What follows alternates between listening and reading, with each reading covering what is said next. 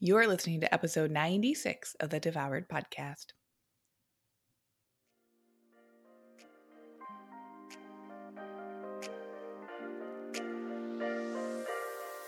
Welcome to Devoured, the podcast for women ready to release the title of Dieter for Good. I'm your host, Lucia Hawley, and I'm a certified nutritional therapy practitioner with my master's in social work, clinical mental health. I've lost 80 pounds and I'm on a mission to get you into the life of your dreams without being the woman who is consumed by diet after diet trying to get there. If you're wanting more in your life and are tired of wondering when or how to make that happen, then this is a podcast for you. You'll learn how to make the radical changes you've only dreamed of 100% possible for you today. I'm so happy you're here. The information provided within this podcast is intended as general education only and is not to be considered a substitute for professional medical advice, diagnosis, or treatment. Hello, all my friends. I hope you are having a most fabulous and fantabulous day so far. Welcome to the Devoured Podcast. I'm very, very pleased. This is going to be a little quickie episode, which is nice. I don't know about you, but sometimes, so just a week ago, uh, I listened to a podcast that was an hour and 45 minutes long, and it was great. It was awesome. It was basically my evening activity the day that I listened to that podcast. But I also personally have this like small sense of glee when someone records a podcast episode and it's short because I know that like they hopped up to the mic to share something, like a nugget of wisdom, but they're also not trying to like fill the time. they're not trying to fill it to 30 minutes. They're not trying to fill it to an hour. So that's exactly what we're doing here today. I just had this like like a- as I've been going through, of course, we're always going to reference quarantine because it's still happening right now at the time that I'm recording this episode. Something that I'm noticing come up for a lot of us and myself as well. I use what I'm going to be sharing with you in a minute. Something that I'm noticing is that uh, you know as the days are blending together and the the foods in our kitchen are like coming in and coming out we might not even know anymore like what like the the the planning that we had to do i think in the beginning of quarantine i think now that we're like fully 2 months into the quarantine many of us are just feeling like things have gotten a little fuzzy right like we're not on high alert potentially in the way we were before. We have our schedules that are starting to like settle in. But I think when we become comfortable with newness, then because we're not on that high alert, we actually can kind of forget what we're doing or what we're moving towards or why why we prioritize things before simply because we get comfortable and we get comfortable even with the changes like quarantine that we didn't ask to have to make. So for a lot of us right now, I'm seeing kind of this like second oh gosh, it's like there's a second wave potentially of the virus itself. This is not that, but I'm seeing almost like a second wave. I caught myself as I say that. It's like, well, that's ironic. But I, I think I'm seeing a second wave of people being like, Oh yeah. Like any anything that is happening in quarantine, if I just start to slip into old habits, not even old stress habits, but old coping habits now. That's where a lot of people are. They're just coping. They're trying to get through day by day. And some of their cups might feel less full. They might start to feel like the candle's burning at both ends again. And so if that's you, and if that's you with your health and your wellness and your weight goals or your strength training or your ability to sleep at night or whatever it is specifically for you, I want you to listen to the next few minutes of this episode because I have a tool that I use personally quite a bit. And I have a tool that this is one of the tools that like I offer for the women in Lean and Liberated in the coaching program. And this is a tool that it can sound so simple, is not nuanced, but that's the point of it, is that this is like, gosh, what's the analogy I could use?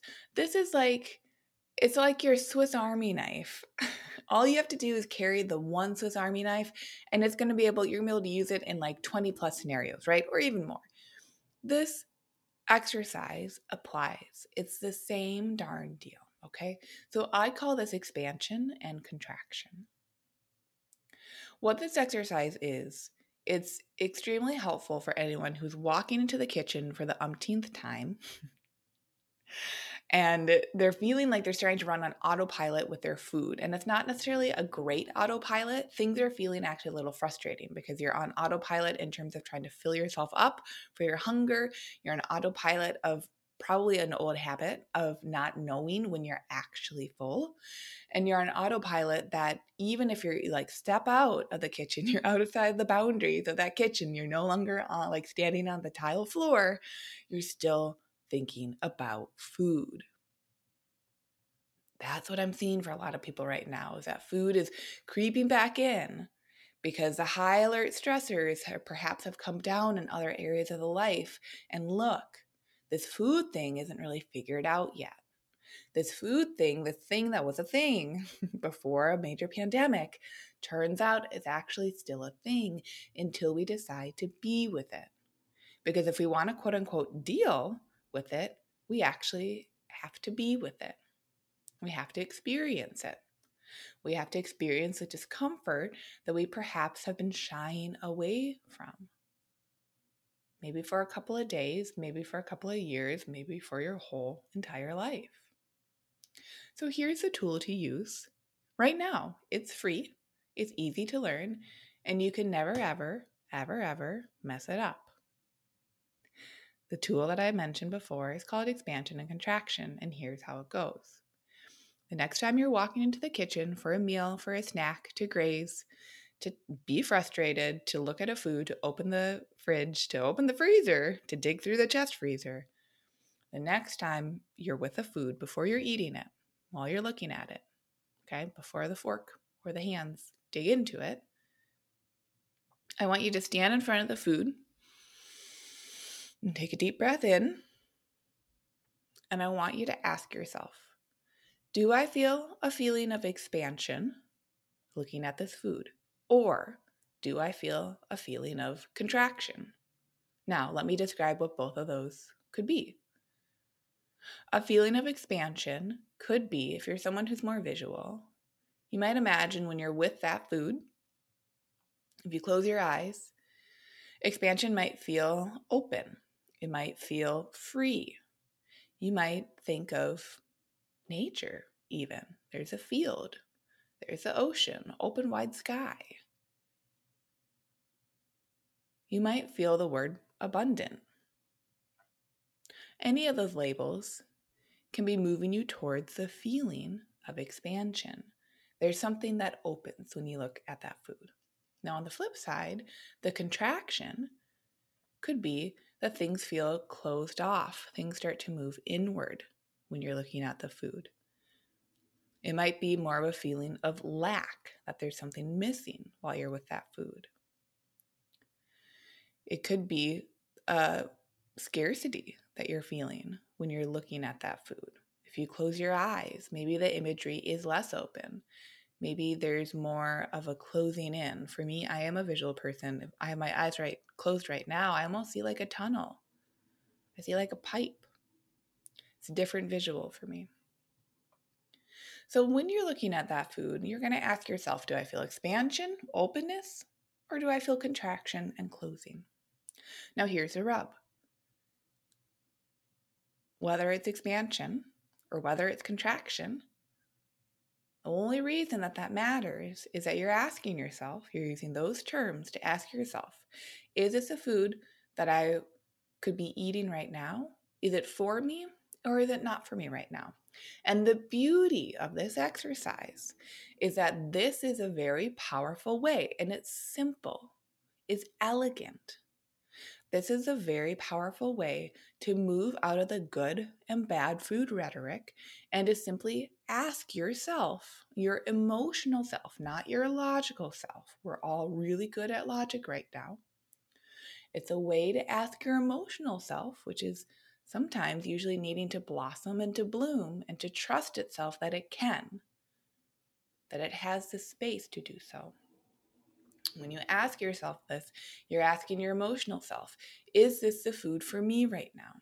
And so, what you might find is that the food is expansive, and your body says, yes, please, let's eat. This sounds great.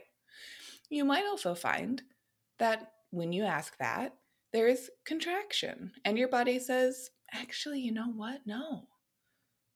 Mm, that might be because you're not hungry. That might be because you are hungry and it's not the food for you in the moment. It could be a whole slew of reasons. So, the beauty of expansion contraction is that it does not move us into making foods good or bad. It simply asks us, and we ask ourselves, is this the food for me right now? And so there doesn't have to be judgment if the food is expansive. It doesn't mean that that's positive. It simply means it is what it is. You're ready for that food. And on the flip side, if there's contraction around the food, doesn't mean it's a bad food. Doesn't mean you're bad for wanting it. All it means is there's a misalignment right now, so we can try again if we would like. And that's the power, my friends, of what we do when we step into a more liberated relationship with food is that we start to see that it does not have to be this huge, overwhelming experience of trying to find just the right diet.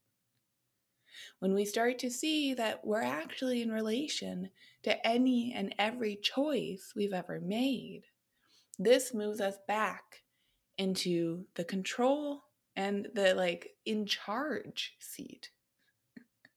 I think of like Star Trek. I never really watched the series, but you know, like the seat in the middle in the middle of like the pilot seat in the middle of like the head of the ship, right? That the captain sits in the captain seat. That's a seat that we're allowing ourselves to come back into. We say, "Oh yeah, I'm the captain oh, yeah, I know how to weather this storm that I might feel like I'm experiencing. I know how to navigate through uncharted territory because I know how to steer the ship.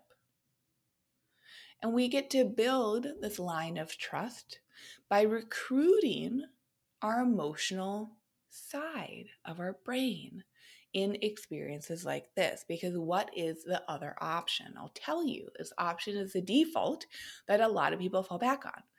The default option, instead of doing the expansion and contraction, which is engaging your emotional self, the option that a lot of us default to is to analyze and to try to logic ourselves. We, we look at the food. We might not even look at the food. We eat the food because we feel the craving or we feel an emotion that we don't like. And we know that that food choice is going to give us a different emotion. It's probably going to give us short term pleasure from a taste standpoint. And then we're going to feel guilt or shame or blame or frustration or fear or any other slew of emotions that moved us out of the previous one that we didn't want to engage with. Maybe we were tired, right? Maybe we were frustrated. Maybe we felt overwhelmed. Maybe we did not feel good enough. Maybe it was subtle. Maybe it was big. But when we choose foods to eat that our bodies aren't actually asking for, what that is doing is that it's giving us a different feeling really quickly and then we can focus on that new feeling. And so a lot of people think, well, I eat to feel better. You feel better for five minutes, and then for another five hours, you feel like junk because of that choice when it's coming from misalignment. That, though, is what you're choosing is the five hours of feeling bad in a different way because it's a controllable way. Okay. When you feel bad for picking out on half of the tray of brownies, it feels delicious for five minutes and then you feel overly stuffed and then you feel bad and you can't believe you just did that. That's all the story that then you're choosing right? You're choosing that for hours and hours afterwards. That is the practice that we move away from. That is what we work on in lean and liberated we say okay i see that process. It gets to be neutral which is really hard initially to say that's neutral. But it gets to be neutral. And when we allow that to be neutral, then we open up the playing field where we can bring in the exercise like expansion and contraction. And we can say, oh my God, I don't even know how to trust my emotional self, but at least I'm willing to try. At least I am willing to try. And I swear to you, when you are willing to try your body and its signals, it is going to just tell you so effortlessly what it's been trying to tell you for so long. Your body was never here to hurt you. It was never here to break you. It was, in fact, never broken. Your body has always known.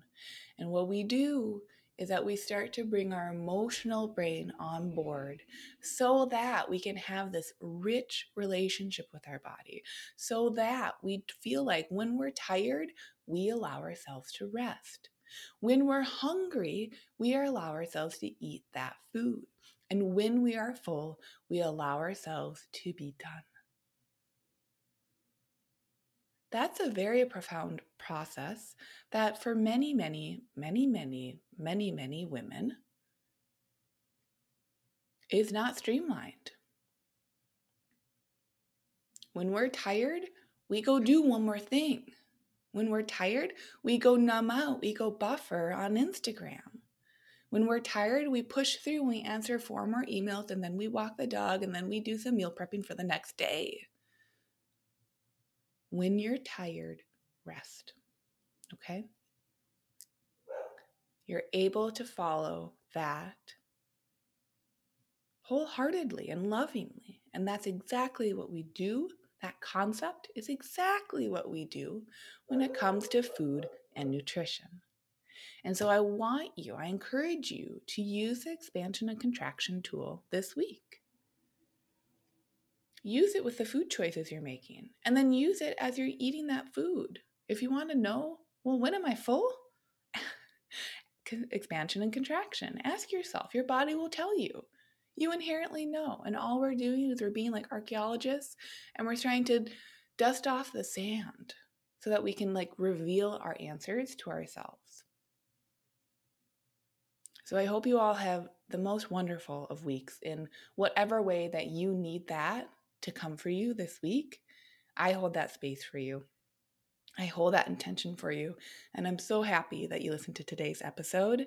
I cannot wait to meet you here again next week. And in the meantime, hit me up. If you aren't over on Instagram, please go join me there. I love to chat with all of you. I love to know what's going on. Share with me how things have been going. I'm there for you. And guess what? You've got this. Okay, everyone, that's all for this week. Thank you for listening to this full podcast episode. If you want more of this information every day instead of just one podcast episode each week, consider coming over to Instagram to hang out with me. I'm Lucia Hawley underscore over there. That's L U C I A H A W L E Y underscore. And one more thing before this episode ends please consider leaving a review of Devoured on iTunes so we can keep spreading the word. And together we can offer this free education, empowerment, and liberatory nutrition principles that will change more lives. If you're someone who likes to empower other people, then please consider sharing this podcast with friends and family. And by leaving a review, it makes a world of difference.